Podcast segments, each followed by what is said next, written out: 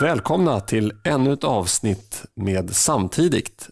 Du som lyssnar på det här samma dag som det kom ut eh, kan notera att det är den 8 april idag. Jag heter Erik Dalin, jag är programledare. Med mig har jag Dick Eriksson från Samtiden, välkommen. Tack, tack. Och Linus Bylund från Sverigedemokraterna. Tack. Dagens ämnen. Regeringen begär mer makt. Ygemans ryska konspirationsteorier visade sig härstamma från en annan foliehatt. Sverige brände upp 7,3 miljoner ansiktsmasker. Gränserna för asylsökande är vidöppna trots corona. Sveriges Radio använder nyspråk. Invandrarrika.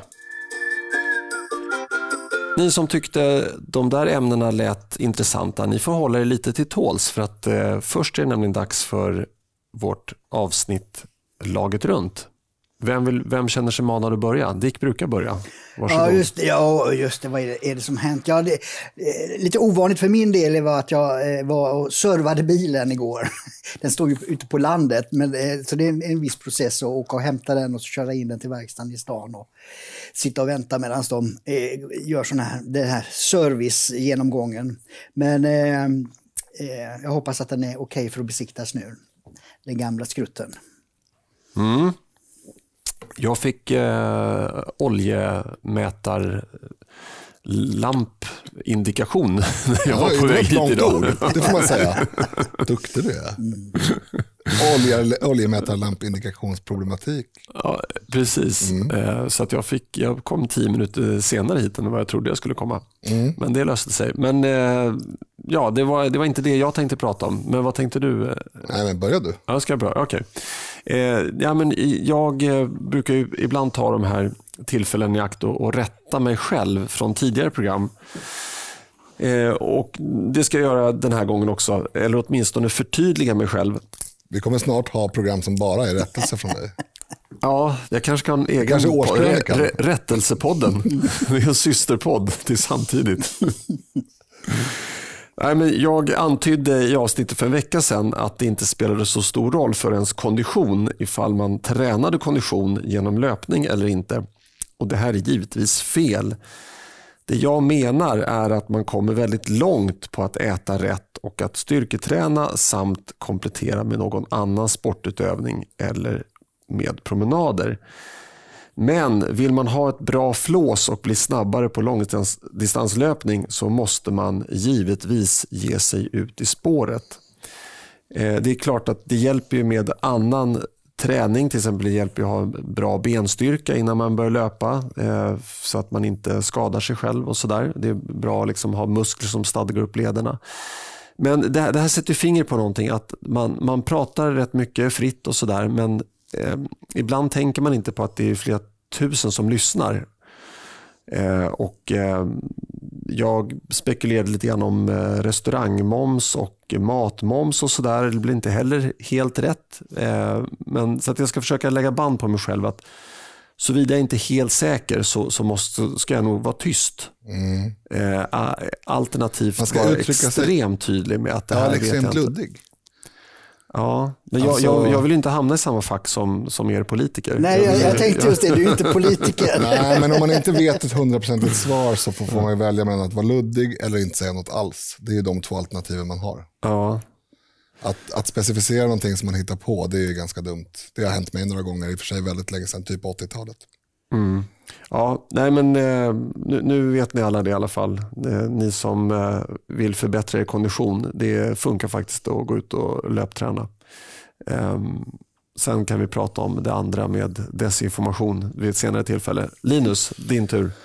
Ja, alltså jag funderar på det här med att man ska, alltså, anordna en riktig jäkla coronafest. Med väldigt många inbjudna. Alltså kanske Ja, men så många man får plats med i sin lägenhet. Alternativt festlokal om man har någon sån. Alltså, de har ju någon sån grej i Iran där de eh, går runt och slickar på någon helig, eh, heligt ornament. Jaha. Så dit, dit kan eh, du åka. Nej, men eh, jag är inte klar med min... Jag, jag, bara fick den idén att det vore jäkligt kul. Så här, för nu träffar man inte så mycket folk och sådär. Och då skulle det kunna vara kul med en hejdundrande fest. Eh, och så tänkte jag så här, man skulle kunna då göra en gästlista och, och sådär. Med fina inbjudningskort och man kan göra en meny och sådär. Jag funderar på att ha majonnäsmeny. Alltså det bara är typ något enklare liksom, verktyg i form av något finkrisp eller någonting och sen bara majonnäs. Kanske 20, 30, 40 olika sorter. Alltså tänk er kanelmajonnäs. tänk eh, lingonmajonnäs, äppelmajonnäs. Alltså det finns hur mycket som helst. Eh, men, men det är en bisak. Eh, ingen kommer tro att jag är klok här eller tycka. Skitsamma. Nej, eh. men, men i alla fall. Och sen så har man då det här och så står det då under datum. Så står det att datumet är två veckor efter nästa eh, inbjudan. Så att inbjudan två då. Så att man bjuder in alla de här människorna till en fest. Men man säger inte datum ännu. Utan man tar höjd för att det här kommer pågå ett tag. De här restriktionerna kring att träffas och sådär. Men så fort man känner att men nu är det faktiskt safe att ha en fest. Ja, då är det två veckor tills man har den. För då har folk möjlighet att liksom ändra, mm. hålla, hålla koll på sina scheman och så vidare. Vore inte det kul? Jo. Bra.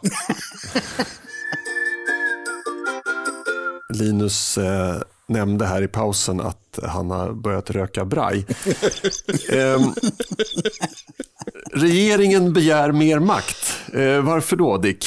Ja, det kan man, det kan man undra. Det, det, det är ju så runt om i världen nu så eh, Sveriges Radio hade en artikel här om att eh, olika auktoritära regimer i Thailand och Kambodja på andra håll passar nu på att stärka regeringsmakten med anledning av, av corona. Och eh, Stefan Löfven, vill du göra samma sak?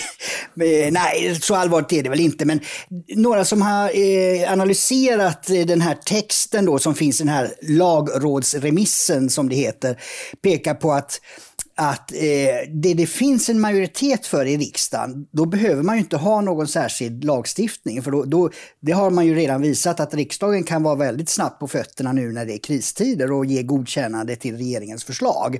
Utan det här skulle ju i så fall vara när man inte har majoritet och vill genomföra någonting. Då kan det vara bra att ha en lag där man inte behöver lyssna på riksdagen. Och då finns det framförallt två tillfällen. Och det ena är ju att eh, eh den här SM-regeringen har ju inte majoritet i... Det är bara i någon av regionerna i Sverige. Du, du menar SMP? Va? Ja, förlåt. Ja, just, det. just det, tappade en bokstav där. Ja. Ganska väsentlig bokstav. Ja, ja den betyder en del ju. Nej, men SMP-regeringen har ju eh, inte majoriteter i regionerna på de flesta håll, utan där är det ju ofta borgerligt styre. Och då kunde den här lagen vara ett sätt att köra över regionerna i landet. Eh, till exempel eh, Stockholm då som leds av Moderaterna. Och, eh, det är ju också så ute ut i landet. Eh, och då skulle de kunna köra över regionerna och omfördela sjukvårdsresurser mellan olika delar av landet så att säga mot, eh, den politiska ledningens vilja. Och det, och det andra är eh, som är eh, allvarligare då, det är att ta kontrollen över privata vårdgivare. Alltså att helt enkelt eh, eh socialisera den privata vården.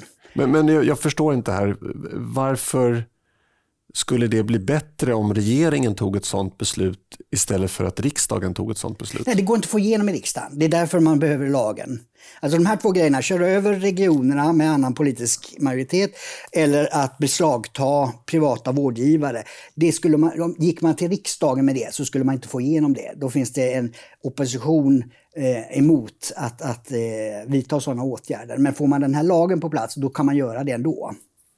För, för Sverigedemokraterna har ju till exempel sagt att eh, de ställer sig svagt positiva till det här, men att man omedelbart eh, när man har tagit ett beslut ska söka riksdagens stöd för ja. det beslutet. Och får man inte då riksdagens stöd så blir det ingenting. Mm.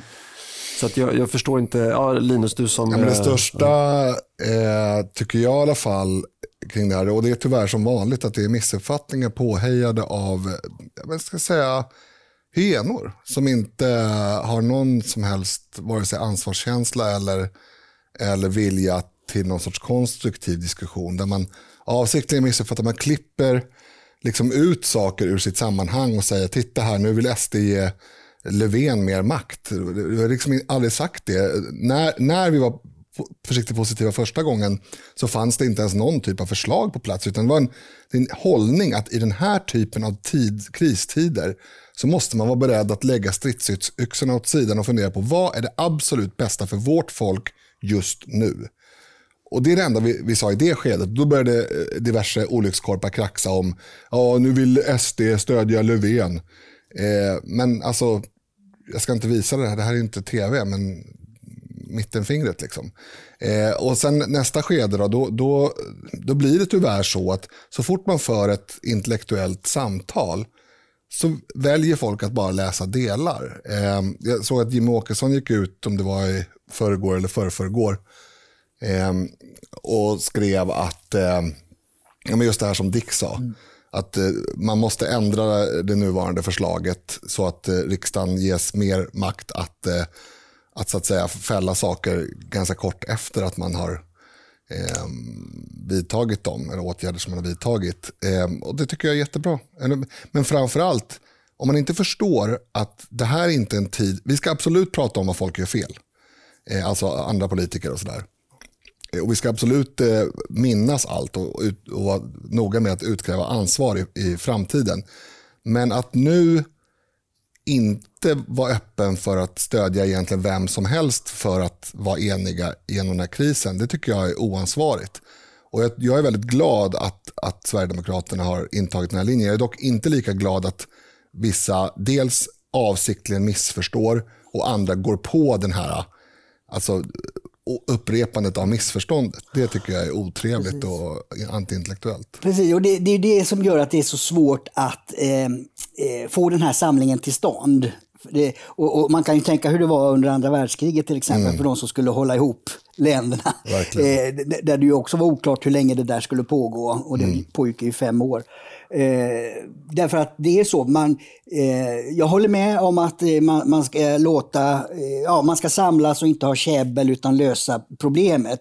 Men, men samtidigt är det ju eh, så att om man ger mer makt åt ett parti, Socialdemokraterna, som är mest känt för och idag bara har en profilfråga och det är att hålla makten. Mm.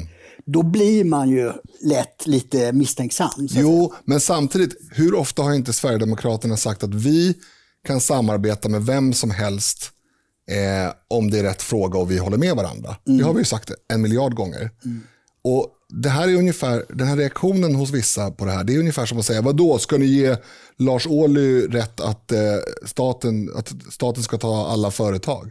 Nej, men det handlar ju inte om det. Det handlar om en, i, i första skedet, när missförstånden var som mest vanliga, i alla fall vad jag såg, så handlade det om en principiell inställning som, som jag tycker är jätteviktig att både signalera och inta. Att nu är inte tid för eh, skygglappar och stridsyxor, utan nu är tid för samarbete och, och ödmjukhet. Men det, det, finns ett uttryck på engelska som jag ska försöka översätta till ungefär så här. Ja, eh, och, rätta inte till ett problem som inte finns. Alltså, If it's not broken, don't try to fix it. Ja, precis. Typ. Ja, precis. Eh, och, och, eh, jag förstår inte, alltså, har, har det varit ett problem nu att riksdagen har varit saktfärdig? Eller? Jag vet, det kan jag säga på en gång, att jag är alldeles för lite insatt i exakta problematiken. Vad jag har hakat upp mig på är att man har klippt bort man har klippt och klistrat i rapporteringen för att piska upp en stämning. Man försöker alltså ta sig politiska fördelar på något som in, dels inte är sant och dels definitivt inte är rätt tid för. Nej, och eh, är man riktigt eh, konspiratorisk, och särskilt när man läser Morgan Johanssons Twitter om att den här lagen är till för att riksdagsledamöterna inte ska behöva jobba dygnet runt som man gör i regeringen. Ja, herregud vilken... och då, då, då, är det ju då är eh, maktgrab, alltså maktbegär. Ja. Power eller, ja. power är det, Eller, eller så är det ett sätt att få just den här diskussionen vi nu har. Mm. Att sossarna vet att det blir ju som Linus säger, det blir väldigt bökigt här. Ska man ställa upp på samling men ändå få kritik för att eh, mm. man, man stödjer motstånd. Det kan ju faktiskt vara ett skäl till att sossarna har lagt det här. Att, att eh, man skapar eh, eh, oro och splittring i, i mm. oppositionen. Mm. Ja, eh, rätta mig om jag har fel här, men eh, det är väl så att Sverige och Finland är väl de länder i världen som har minst vad ska jag säga, eh, där lagstiftningen tillåter minst agerande av regeringen. Ja, alltså vi har, jag har skrivit en ledare om det. Alltså vi har ju eh, det här med förbud mot ministerstyre som det kallas. Och det är bara Sverige och Finland, eftersom Finland har varit svenskt, som har den traditionen. Det vill säga att ministrar får inte gå in och lägga sig i hur eh, olika myndigheter fattar beslut. Och det blir ju ak aktuellt just i, i, en krissituation att då vill ju gärna politiker åstadkomma någonting mm. eh, medan myndigheterna då kanske har, drar benen efter sig eller har någon annan eh, prioritering. Eh, och, och, där kan alla andra länder, kan ministrar lägga sig i och, och säga nu gör ni som jag säger. Det får inte svenska ministrar och finska ministrar göra. Egentligen, alltså, det där är ju ett litet dilemma faktiskt i, i vissa situationer. Men det, med tanke på hur illa det är med ansvarsbiten i Sverige så är det kanske bra. Ja, alltså, precis. Jag, det jag tog upp i ledaren var just det att ska man ha mer makt i regeringen då ska också ansvarsutkrävandet vara betydligt mycket tydligare mm. i Sverige. Vi behöver an, eh, vad heter, tjänstemannaansvaret mm. tillbaka mm. så att varje person som fattar ett beslut kan ställas till svars för det beslutet och att det inte är samråd och det är eh, samarbete. Det var sant, det var sant igår.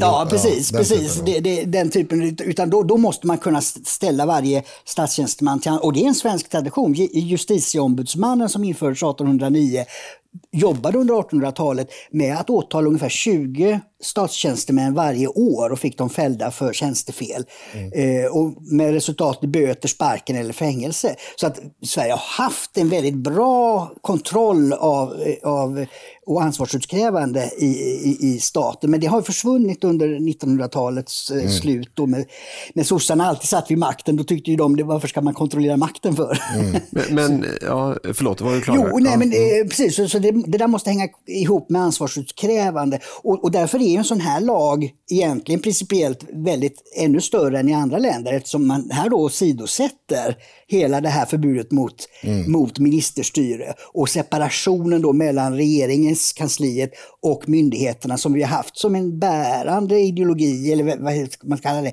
systemprinciper i den svenska staten som man här då åsidosätter. Så det, i, i grunden kan det här vara en, en väldigt stor förändring som jag i grunden inte tycker är fel, just så, så länge man har ansvarsutkrävandet. Mm. För det tycker jag är viktigare än att man säger att myndigheter ska vara eh, oberoende eller självständiga, för det är de ju inte eftersom regeringen utser generaldirektörer och, och, och, och sånt där. Så, eh, att, att ha en, en skimär i uppdelning mellan regeringskansliet och myndigheter eh, tycker inte jag, det finns ingen poäng i det, utan det viktiga är att kunna utkräva ansvar av mm. den som fattar beslut. Men, men, men, regeringen skulle idag kunna gå in och, och sparka, heter han Johan Carlsson? Mm. Folkhälsomyndigheten. Ja, I alla fall entlediga honom som generaldirektör. Då, då, kan han hamna på Elefantkyrkogården som en del kallar det. Det vill ja. säga, han har ett förordnande då som generaldirektör så att lönen är det väldigt svårt att ta av honom.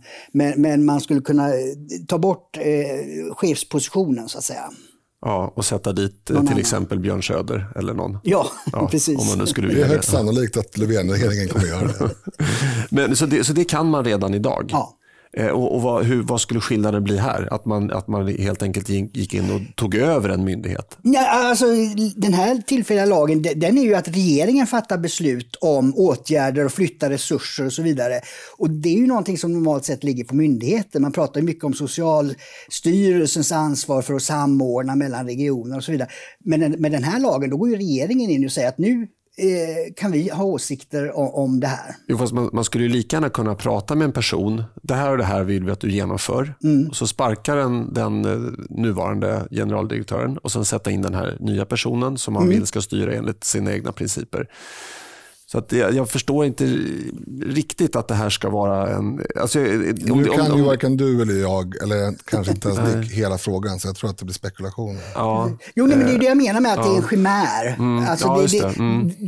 Regeringen har hård kontroll på, på myndigheterna, men, men det, det, får inte låta så. Det är, ja. väldigt, det, är väldigt, det är en intressant aspekt tycker jag, därför att det vi har sett hittills, och det var också någonting som Jimmy Åkesson skrev häromdagen, det är inte så att det har varit för lite beslutsfattande från regeringen hit, hit, eller för mycket beslutsfattande från regeringen hittills, utan tvärtom. Mm.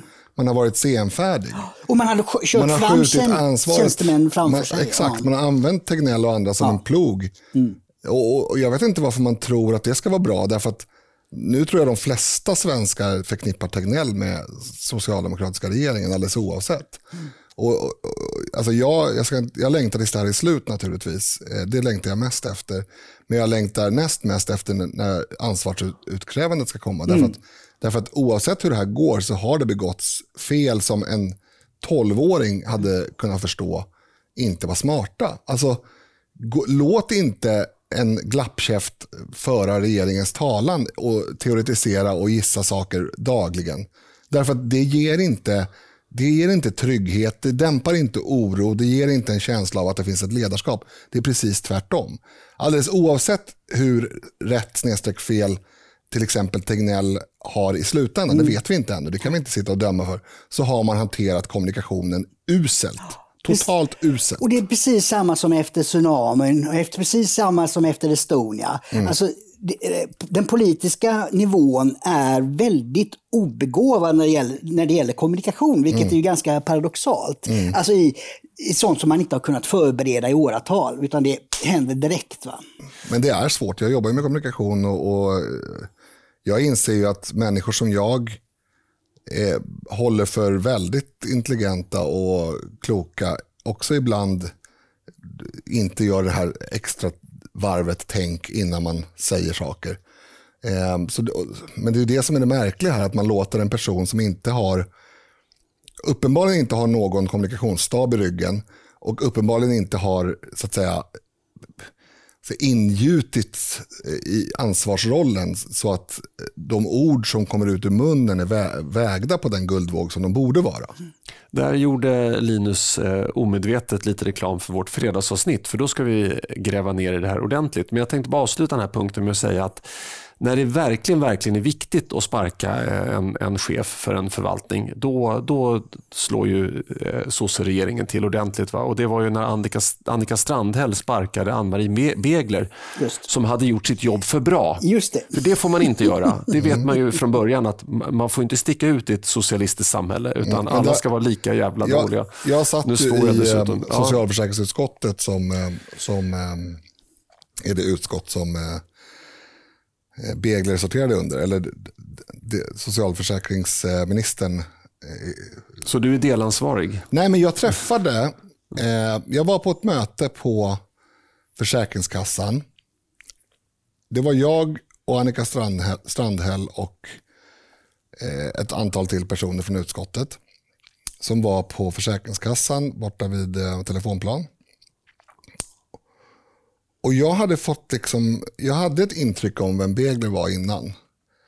Eh, och jag kände ju Annika Strandhäll, inte kände kände, men träffade henne ganska många gånger. Och jag kände liksom i rummet att det är någonting som inte är bra här. Det är någonting som skaver. Eh, både på, ja, på bådas humör skulle jag säga. Eller stämningen i rummet.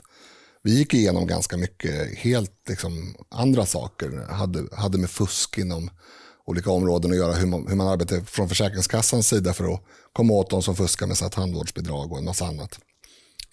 Eh, och sen på morgonen dagen efter så står det i tidningen att nu har Begler fått, fått sparken. Och det är precis som du säger, hon, hon, det regleringsbrev som, som regeringen skickar ut till, i det här fallet då Försäkringskassan, det hade hon följt för bra. Mm. Kan man säga. Alltså hon hade gjort det jobbet som, som eh, den socialdemokratiska regeringen ville att hon skulle göra. Problemet var att det fick ju till följd att eh, sjukförsäkringen eh, fick, alltså utförsäkringarna från systemet blev fler än under Reinfeldt. Alltså, det, och det fortsätter ju idag. Men det var ju väldigt mycket kritik för det här just då. Och då, jag skulle säga att eh, Begler hade nog fått sparken alldeles oavsett vad hon hade gjort i det mediala läget. Därför att det var inte hennes gärning egentligen som var problemet, utan det var ju det mediala fokuset på den socialdemokratiska regeringens totala misslyckande med, sjukförsäkringen, med sjukförsäkringen, sjuks, utförsäkringen ska jag säga. Och då behöver man ett offerlamm.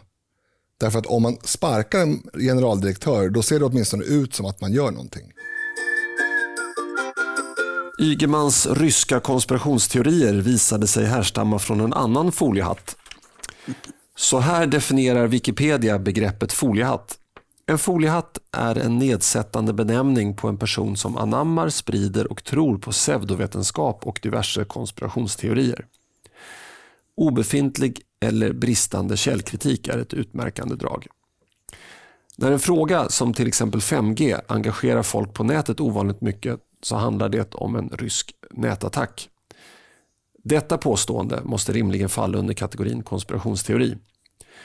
En som anammar, sprider och tror på detta är en foliehatt enligt Wikipedia. Alltså är Ygeman en klockren foliehatt enligt den nyss nämnda eh, sajten. Eh, då är det inte annat än stor humor att det inte alls var några rysk, ryska nättroll som hade skrivit mycket under Ygemans inlägg om 5G utan några, eh, utan, eh, några foliehattskollegor på Södermalm. Eh, eller var en kvinna rättare sagt. Eh, hon är medlem i en grupp eh, på Facebook som heter eh, Wifi-strålning, hälsorisker, stoppa 5G. Och där återfinns säkerligen en och annan person som skyddar sin hjärna mot strålning med en foliehatt. Om inte annat så spekulerar man om ifall coronavirusets framfart på Järvafältet har med 5G att göra. Ett tips till Ygeman framöver ifall han inte vill förknippas med andra foliehattar är att lyssna på Hans Blix. Eller vad säger du Dick? Ja, precis. Hans Blix, då, den gamle chefen för internationella atomenergikommissionen. Eh, så han, han, är ju väl en av de diplomater som har haft högst ämbete bland svenskar, i alla fall i modern tid. Och han säger det, man ska ju inte i ansvarig ställning gå ut med, med, med spekulationer eh, när man inte har något underlag för det. Och det, det är ju ganska självklart. Men det, det allvarliga är ju att när han, Anders Ygeman alltså han är ju digitaliseringsminister, det är ju därför han kommenterar detta. Då. Eh, när han får frågor, uppföljningsfrågor av SVT om det här, då försöker han hålla fast vid att det är ryska konspirationer. Det, det har min stab sagt. Så han, försökte, han erkänner inte att det här är, är ett påhitt och jag gjorde fel. Utan han försökte fortsätta att hävda att det är ryska ja, konspirationer. Och, och, han motiverar det med att Ryssland inte vill att Sverige får ett försprång inom 5G eller något sånt där. Mm. Eh, någonting liknande, tar mig inte upp orden nu, men, men det var att han hade liksom en, en motivering till varför Ryssland skulle vilja rikta påverkansoperationer mm. mot Sverige. Och det är ju ett, ytterligare ett tecken på foliehatt. Det är ju när man är jävligt, förlåt, envis eh, ja. om att man har rätt, liksom, även om man är överbevisad. Ja, Nej, det är otroligt. Linus, vill, vill du nämna någonting om det här? Eller? Nej, alltså. Jag är ganska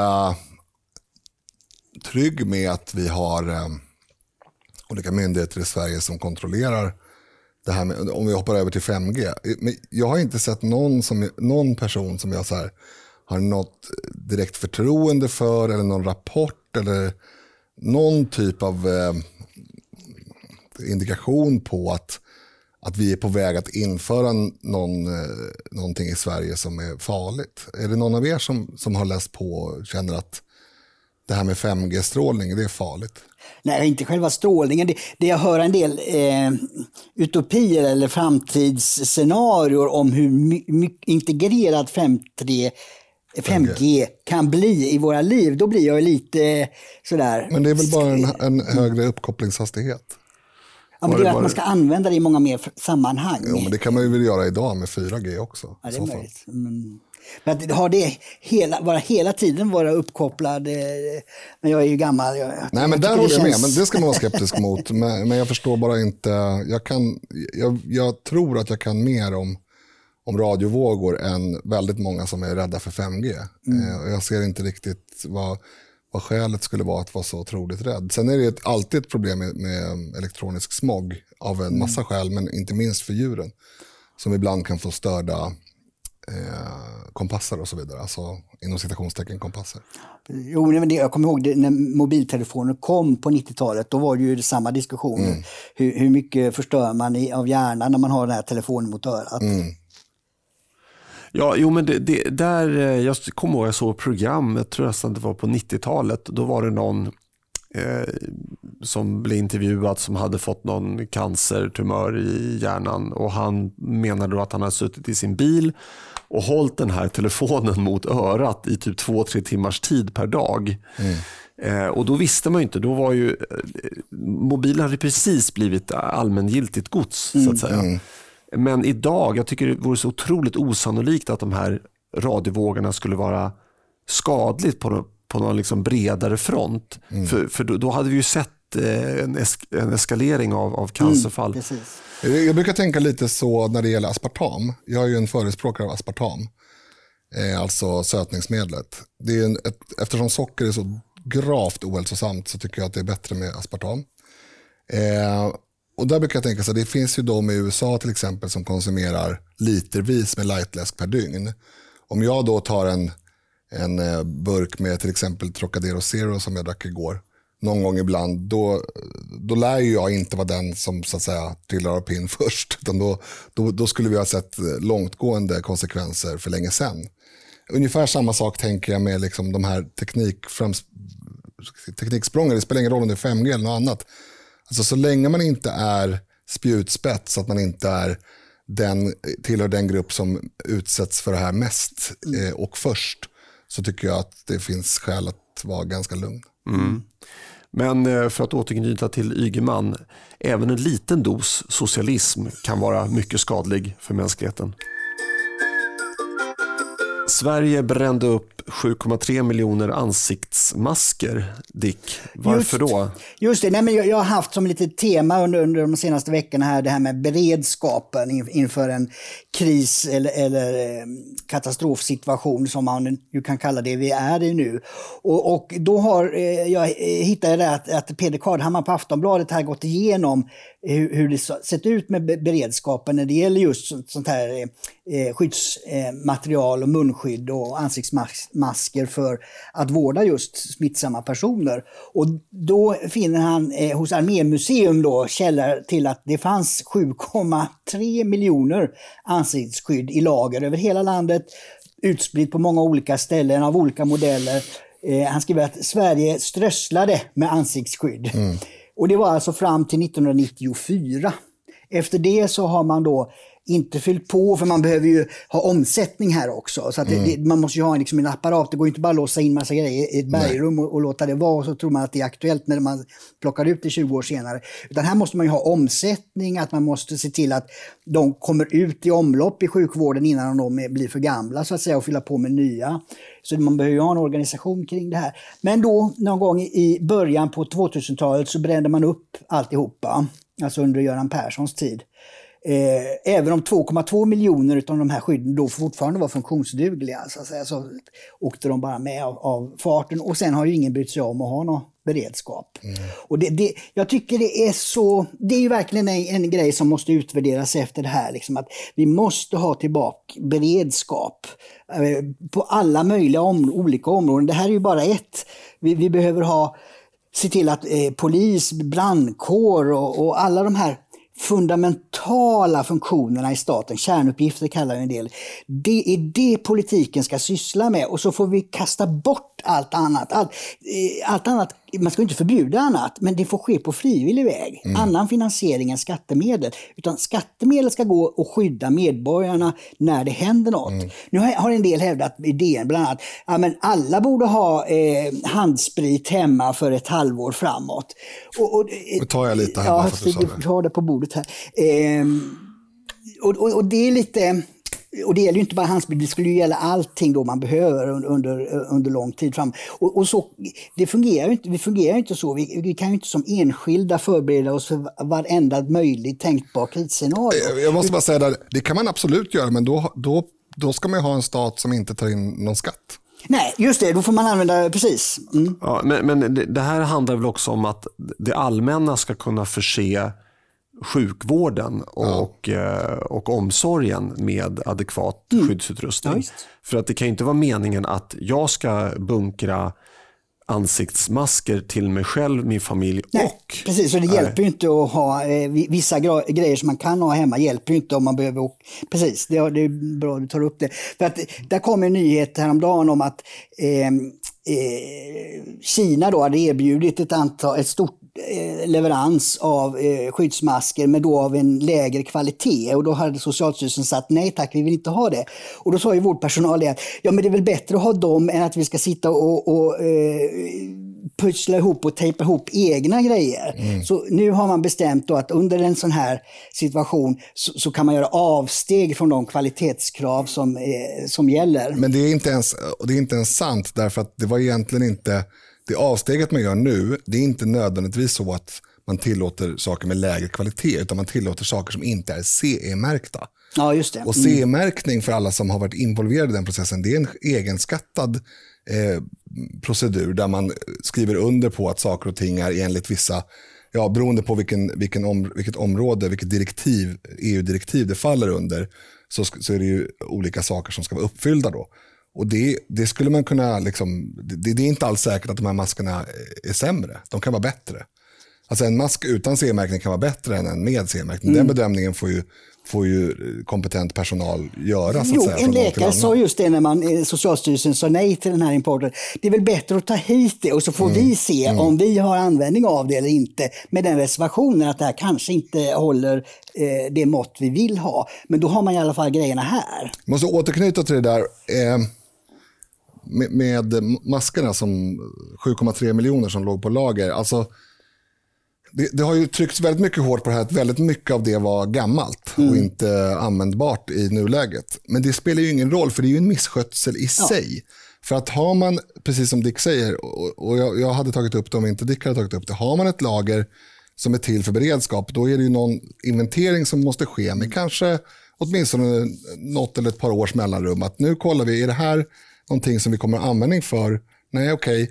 Vi försöker använda dem medan de fortfarande liksom inte har vittrat sönder helt eh, och fyller på med nya i beredskapslager. Så att, hade det här varit väl skött så hade det funnits 7,3 miljoner användbara skydd. Att det bara var, var det 30 procent eller något som gick att använda, eh, trots att de dessutom sen brände upp dem, vilket ju också försvårar användningen naturligtvis. Eh, då hade ju det, varit, alltså det hade ju varit mycket också. Eh, så att, eh, själva destruktionen var ju också dålig. Men det här är ju någonting som vi behöver ha med oss. Det här ska man stå till svars för från socialdemokratins och moderaternas sida. Ja, precis. Och, och det, det är inte bara det att man ska hålla, utan den mentaliteten. Jag, jag kommer nu när vi sitter här på en, att när jag låg i lumpen i början på 80-talet och Brezhnev fortfarande var generalsekreterare i kommunistpartiet i Sovjetunionen. Då fick vi när vi var ute i fält eh, konservburkar som var väldigt gamla. Men, och eh, vad heter det, sista användningsdatum var nära.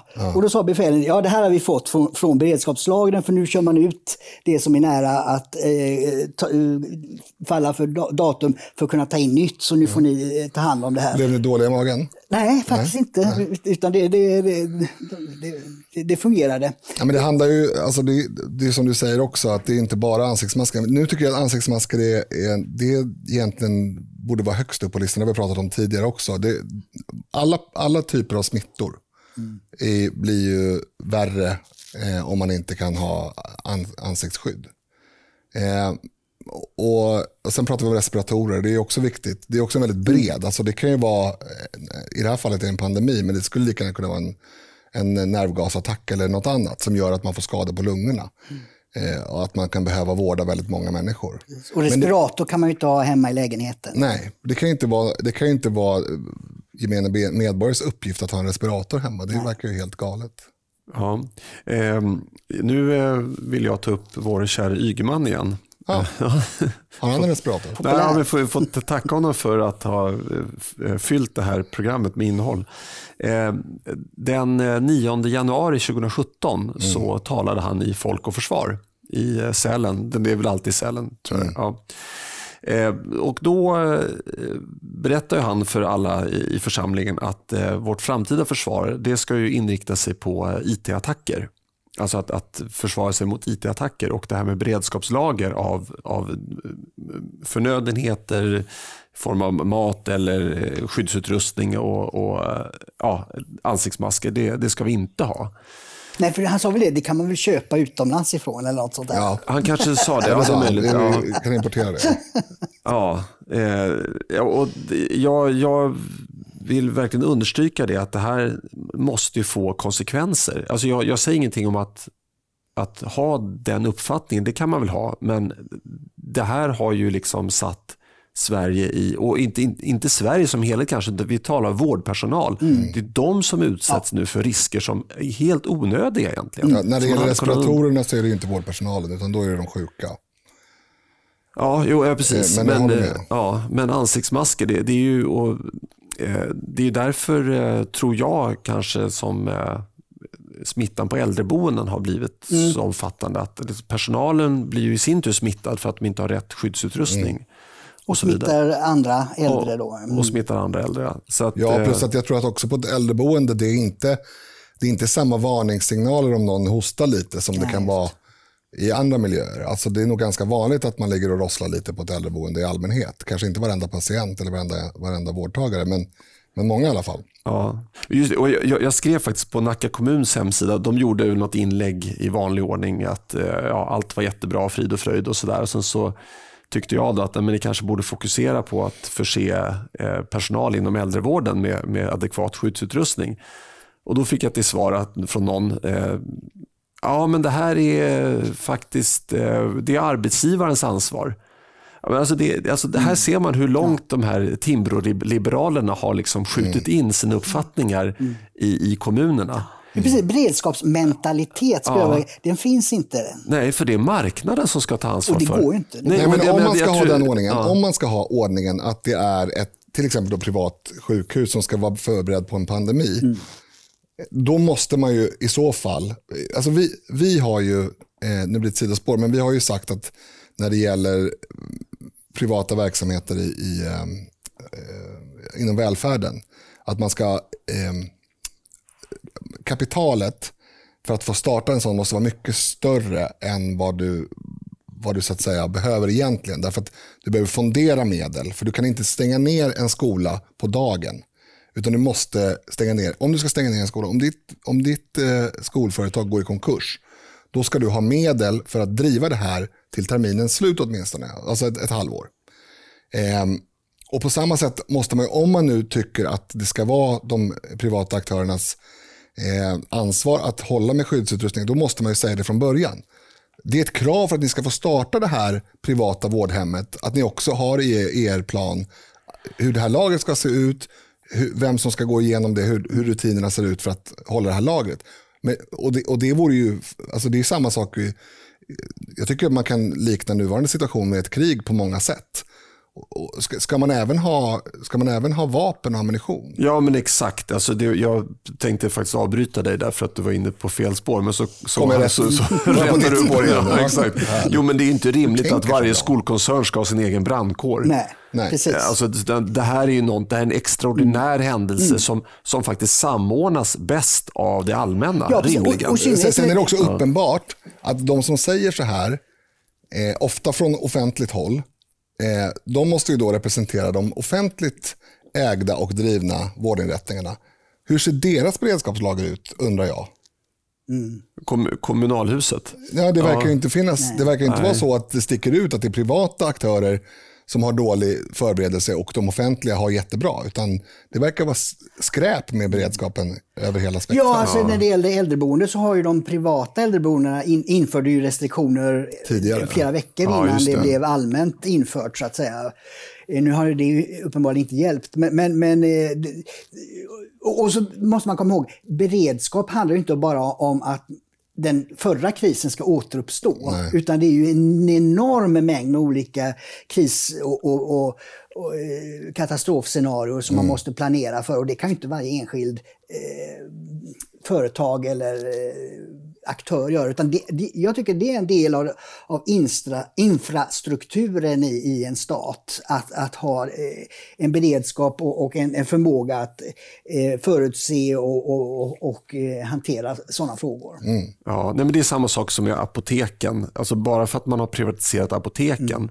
så betyder inte det att man kan frånsäga sig sitt ansvar som staten har att liksom ta hand om sina medborgare vid Nej. pandemier och, och liknande. Utan det, det, där tycker jag absolut att staten kunde ha hanterat sitt eget beredskapslager av, av eh, Men notera att vi pratar alltså om en stat som har bland de absolut högsta skattetrycken i världen. Ja. Det är liksom inte ett u-land vi pratar om. Men det är på ena sidan, på intäktssidan är, är vi definitivt inte ett u-land. Men på andra sidan vad är vi där? Gränserna för asylsökande är vidöppna trots corona. Det här skrev du också om i samtiden, Dick. Ja, precis. Och det är många som har förundrat sig över att när Migrationsverkets statistik för mars månad kom eh, här för ett, eh, några dagar sedan, så visade det sig att antalet som söker asyl, alltså som har kommit till Sverige och, och söker eh, ja, eh, skydd från förföljelse var eh, 1481 och det är inte så mycket lägre än vad det har varit eh, i mars månad tidigare år. Eh, I 2018 var det eh, till exempel eh, 1654. Så eh, av någon underlig anledning så lyckas den verksamheten vara nästan i full drift så att säga. Ja, det, det är, ju, det är ju märkligt. Eh, jag, jag, tänkte på en sak, det man borde utnyttja här, det är ju verkligen att tömma förvaren. Det borde vara ganska billigt att chartra SAS-plan, de står ändå på marken. Ja, just det. Mm. Så att här, här borde man ju verkligen köra en hård satsning på att tömma förvaren, kanske aktivera REVA och andra. Det är svårt att få tillstånd att flyga in i länderna dock. Ja, men de kan väl sätta dem i karantän på flygplatsen i Kabul. Mm. Alltså, det, det, det är ju en, det är en minimal kostnad jämfört med vad det kostar svenska samhället att ha massa människor som springer runt som inte har här att göra. Mm. Alltså, som lagligen är, olagligen är här. Ja, som är, precis inte har här att göra mm. av, ur, ur aspekten att de eh, vistas här olagligen. Och då skyller en del på att Af Afghanistan vill inte ha flera smitt, eh, sådana som kan vara smittade. Men då är det bara att säga att om de inte tar emot sina egna länder så, så drar vi in allt bistånd. Och man kan ju också testa de som skickas ut. Så mm. det, det, det, det, går att ordna om man vill. Problemet ja. med, med Sveriges regering är att man vill inte. Nej. Nej. Eh, nej, alltså det här är ju någonting som är alldeles för dolt i nyhetsrapporteringen. Det här handlar ju ändå om, liksom, om, om corona i någon sorts eh, vidare mening i alla fall. Att man tillåter, man tillåter människor att passera gränsen. Trots att alla andra länder eh, har mer eller mindre totalstängt. Mm. Och det, är ju, det här ska de stå till svars för, mm. förr eller senare. Ja, men det, det är lite intressant. Var kommer de ifrån då? Danmark har ju stängt sin gräns. Mm. Eh, det uppgifter som fanns där var att det var eh, från Uzbekistan, ja det är och Afghanistan, ja det är de här vanliga länderna. Jo, men hur har de kommit in då? Ja, nej det har inte framgått nej. av den rapportering jag sett. Nej. Danskarna kanske i och för sig har satt upp en, en eh, spärr på ena eh, färdriktningen på Öresundsbron men inte på andra. ja, exakt. Det skulle jag ha gjort om jag var Danmark. Nej, men jag har, eh, jag har en, faktiskt eh, pratat med en källa eh, som eh, tyvärr inte kan avslöja eh, vem det är eller var någonstans ifrån den kommer. Men det är tydligen så att eh, i och med att flygtrafiken har minskat radikalt, då har gränspoliserna blivit mycket effektivare i sitt arbete. Mm. Så dels att ett, ett, plan, ett flygplan från ett annat land innehåller färre okynnesansökningar. Då. Mm. Eh, och att gränspolisen i Sverige har blivit bättre på att direkt haffa någon som okej, okay, du, var är dina reshandlingar, du har inte dem med dig, okej, okay, det är bara att vända direkt. Eh, för att kommer de för långt på Arlanda, vad jag förstår så kan det här handla om några tiotals meter, liksom, hur långt man Eh, jag menar, om, om, det, om det landar ett plan eh, och sen så man vet direkt, okej okay, på det planet så finns det en person som inte har eh, korrekta reshandlingar. Då kan gränspolisen direkt gå in och säga att du, du, du får åka mm. med planet tillbaka, du behöver inte ens sätta din fot där. Men kommer de för långt in i processen då kan de liksom skrika asyl. Mm. Eh, och så får de eh, ja, då ha en snabb behandling av, av ärendet. Men, ja. eh, och, och, då leder det också till att de här flygbolagen får ju böta enligt just det, jag tänkte transportansvaret. Det, mm, Men då borde, ju, då borde ju siffrorna ha sjunkit. Ju. Ja, det är det jag också ja. kan tycka. Det är därför jag undrar, för det kan inte vara via, via flygplatserna rimligen. För det, det, där har jag fått indikationer på att eh, det ska ha minskat ganska radikalt. Dels att det kommer in färre flyg och att procentuellt sett så innehåller flygen färre eh, asylansökanden. Eh, så att det är möjligen att det, hur är det med båttrafiken över Östersjön? Det, det, det är möjligen där då ja, i så fall. det är det förmodligen. Ja, Vi, vi får ja, har det lite, kanske dra ner lite på killgissningarna för vi verkar inte veta. Ja, men det ena, eh, det, det var en, en källa som jag har, så det var ingen killgissning. Nej, jag menar bara Eh, att men, det skulle- men alltså med båten, att det, ja. Ja. det var utslutsmetoden. Vi får- vi får Logiskt nog- tänkande Linus. Vi får nog info om det här framöver. Sveriges Radio använder nyspråk, invandrarrika.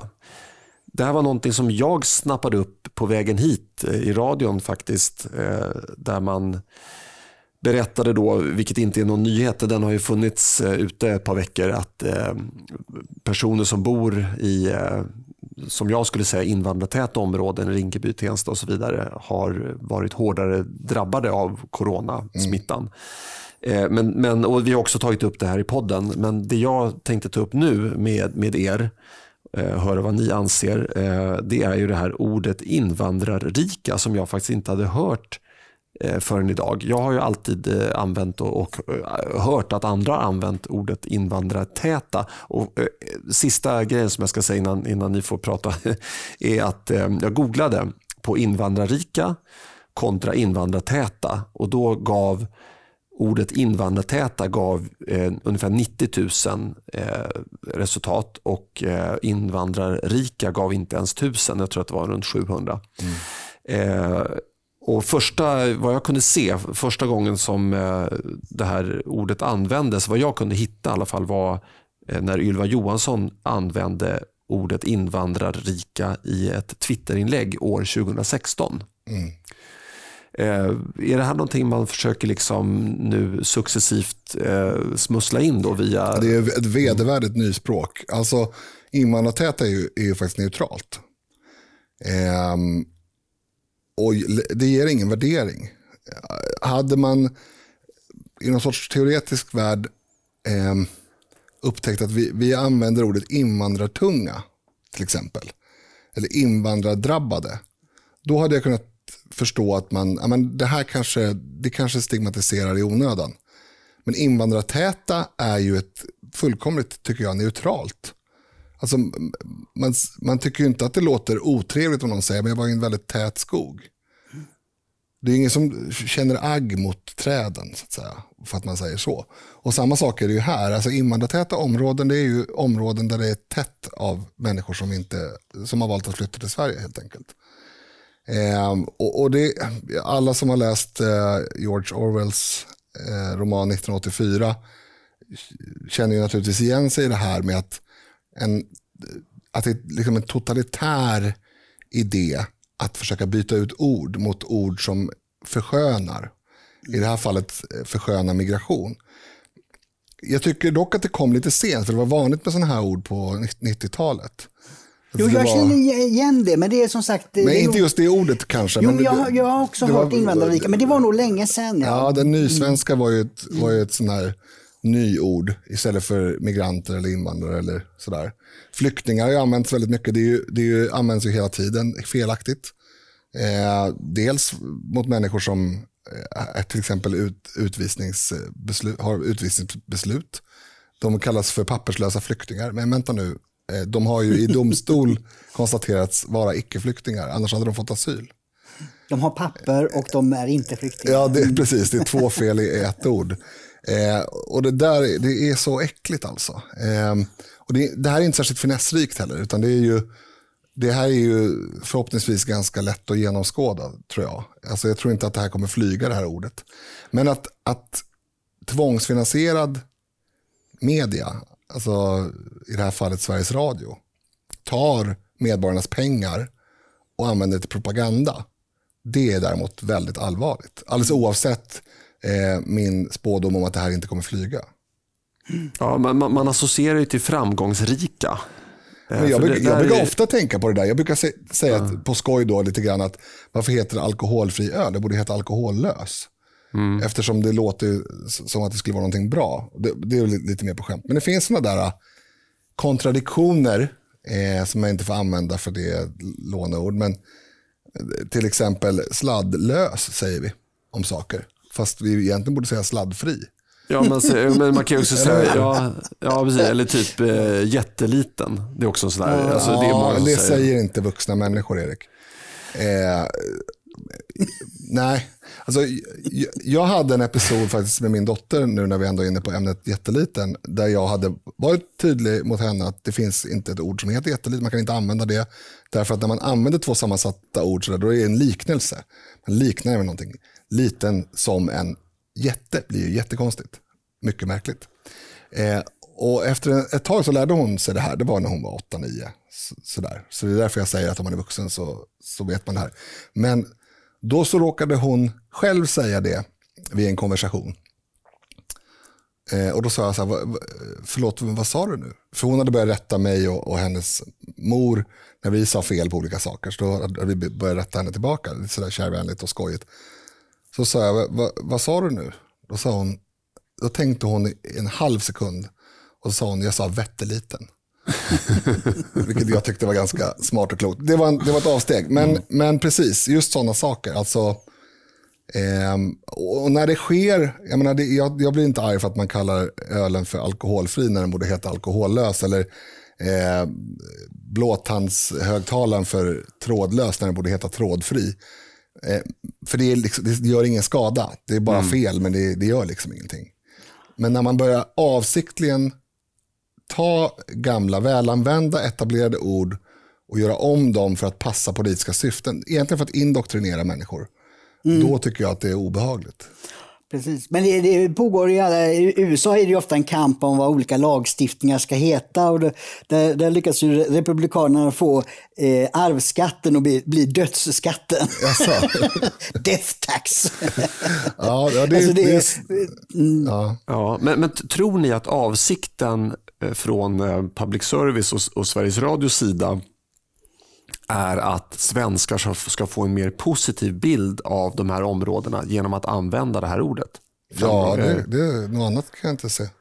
Ja, det, det, tror, alltså, jag upplever att många redaktioner är, det kan vara väldigt få personer som är inblandade i exakta formuleringar. Det kan vara journalisten själv som har hittat ja, på det och chefen har inte reagerat. Det måste finnas en ansvarig ja, som kan jo, få sparken. Mm. Det, ja. det, det, har jag varit i blåsväder för ganska nyligen. Men det, så är det. Det måste finnas en ansvarig som kan få sparken. Mm. Men, men den här personen som har använt det här då. Eh, ty, nu, nu bara spekulerar vi här, eh, men jag tycker att det är lite kul. eh, tror, tror ni att, att han eller hon eh, själv tycker att det här är ett, ett bra område att bo i? Nej, alltså, nej, nej, nej, det handlar det ju aldrig om. Nej.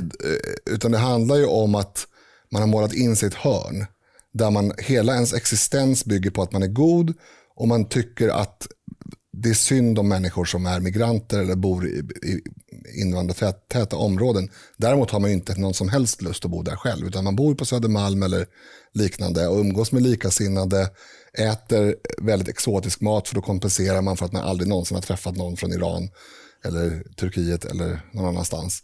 Eh, eller träffat har man väl gjort, men man har i alla fall inte haft någon djupare kontakt.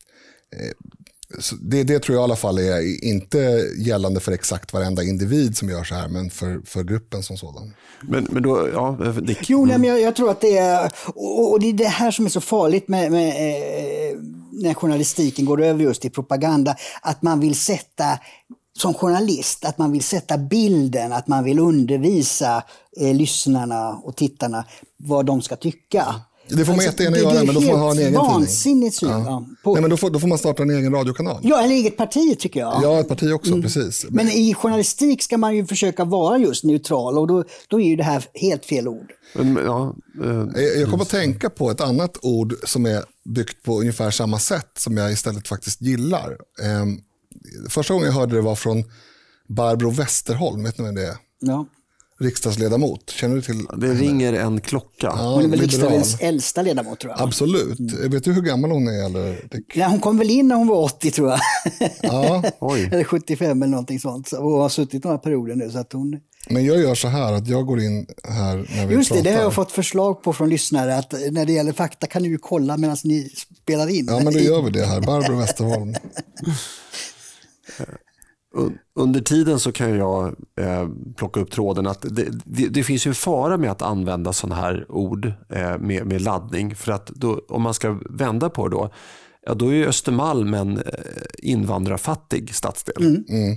Ja, exakt. Eh, och, och, och, Rinkeby skulle gärna, lika gärna kunna vara en eh, svenskfattig mm. stadsdel. Ja, just det. Mm. och Östermalm är svenskrik stadsdel. Så det, de tänker inte hela vägen liksom, hur, hur det här kan användas som, som tvärtom eh, språk. Jag har skojat några gånger och sagt att jag är, ganska fördomsrik. eh, det är såklart inte allvarligt menat, men det är, det är samma grej. I alla fall, Barbro Westerholm, hon är 86 år. Ja. Oj, oj, oj. Och hon sitter i Sveriges riksdag för Liberalerna. Jag träffade henne faktiskt för några veckor sedan, eller var på samma bokrelease som hon, men det hör inte till saken. Hon har då i talarstolen flera gånger använt ordet åldersrik istället för gammal. Och där tycker jag hon har en poäng. Alltså, och som konservativ också så, så menar jag att eh, jag, ska inte, jag ska inte dra några långa politiska förslag om vad jag tycker att man borde göra med rösträttsåldern, men man får ju gissa om man vill. Alltså jag, det här, den här kulturen som vi lever i har alldeles för lite förståelse för att varje år man har levt är ett extra år i visdom och, och insikter. Eh, och jag tycker att åldersrik är ett jättebra nyord, så att säga. Men därför då, att, då är man ju inte hemlig, eller man försöker inte manipulera då, utan då ingår det ju i ett resonemang. Exakt, man då, kan, skulle du kunna säga att hon är åldersberikad? Ja, kanske. Ja, Och fast de här- det, det blir man hela tiden. Och, och då. Tensta och Rinkeby är kulturberikade. Men då, för, eller? förlåt, hon kanske säger årsrika. Årsrika, ja. Ja, årsrika tror jag. Jo men, jo, men det blir, alltså, det, någonstans så hamnar man ju, det, det var intressanta aspekter där och, och eh, kul att du tog upp det. Men, men, eh, och jag, jag, och jag kommer ju att associera då till att Sveriges Radios eh, politiska motståndare eh, tar ju sådana här uttryck och raljerar över. Det har ju, Man har ju kallat invandrare för kulturberikare nu i en massa decennier. Just för att ehm, Ja, det, det började ju som ett försök till ett nyord Mm. på 90-talet. ja, det gjorde det. Ja, ja. Alltså, Det var ju inte eh, raljant menat Nej. från början. Men nu är det ju, alla, alla skrattar ju. Det är ju liksom... Nej, det är sant. Jag tror att man på 90-talet eh, menade det. Att, Ja, att, och det precis- var ju inställningen att här kommer de med kultur som vi inte hade innan. Ja, jo men exakt. Men, men, men, men då var det väl någon som snappade upp att ja, men då är det ju kulturberikare. Ja. Ja, det. jag, jag trodde inte, ja okej, jag trodde att... Jo, eh, jag tror att begreppet kulturberikare används, användes först av en som var positiv till migration. Ja, okej. Men i det, det lå- kan jag inte ta gift på, men så minns jag det. Ja, ja, det tror jag. Och därför har det blivit nu en sarkastisk ton i det hela. Ja. Ja. Men eh, vi får ju fundera på vad vi ska, det kanske, om det nu skulle visa sig att det är rasistiskt att kalla de här områdena för invandrartäta så får vi också hitta på något invandrarberikade Jag områden. tänker att vi kan eh, knyta ihop det här, för nu har vi, har vi svävat ut lite, men att Sveriges Radio använder invandrarrika som begrepp i sin ra- nyhetsrapportering, det är bara nej, nej, nej, sluta omedelbart och hoppas att du får sparken. Och får ni inte sparken så kommer Linus Bylund se till det. För han sitter nämligen i en stiftelse som eh, kan se till att ni får sparken. Det är också så att Linus klipper det här. Ja, okej. Då har jag tyvärr eh, ett tråkigt meddelande till alla lyssnare. Det är nämligen så att vi måste avrunda nu. Eh, men vill ni få kontakt med oss så har jag ett positivt meddelande. För det går att göra på, eh, via mail på samtidigt samtiden.nu. Och eh, vi vill också hemskt gärna att istället för att swisha till oss, för det går inte att göra, så vill vi att ni sprider ordet. Och då vill jag tacka en eh, bekant till mig som heter Jakob som gjorde det i veckan. Eh, han klev ut ur eh, den, eh, ja vad ska jag säga, eh, eh, yttrandefrihetskarantänen och delade det här inlägget och jag tror inte att det har påverkat hans liv negativt.